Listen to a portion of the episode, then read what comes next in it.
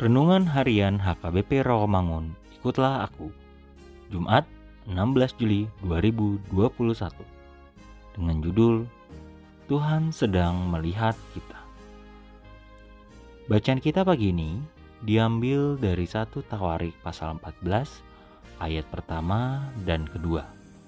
Dan bacaan kita malam ini diambil dari Kisah Para Rasul 17 ayat 16 sampai 31.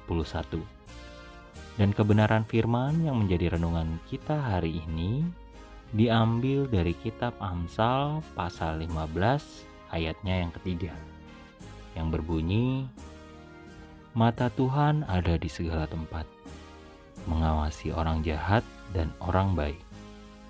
Demikianlah firman Tuhan.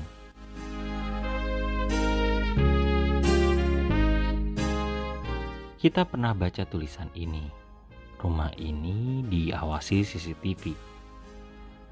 Alat CCTV dipasang bukan hanya untuk mengawasi setiap peristiwa yang terjadi, tapi juga untuk mengetahui semua kejadian yang sedang berlangsung saat itu.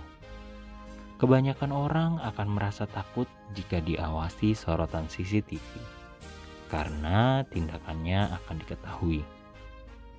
Dalam nas hari ini digambarkan bahwa Allah Maha Tahu.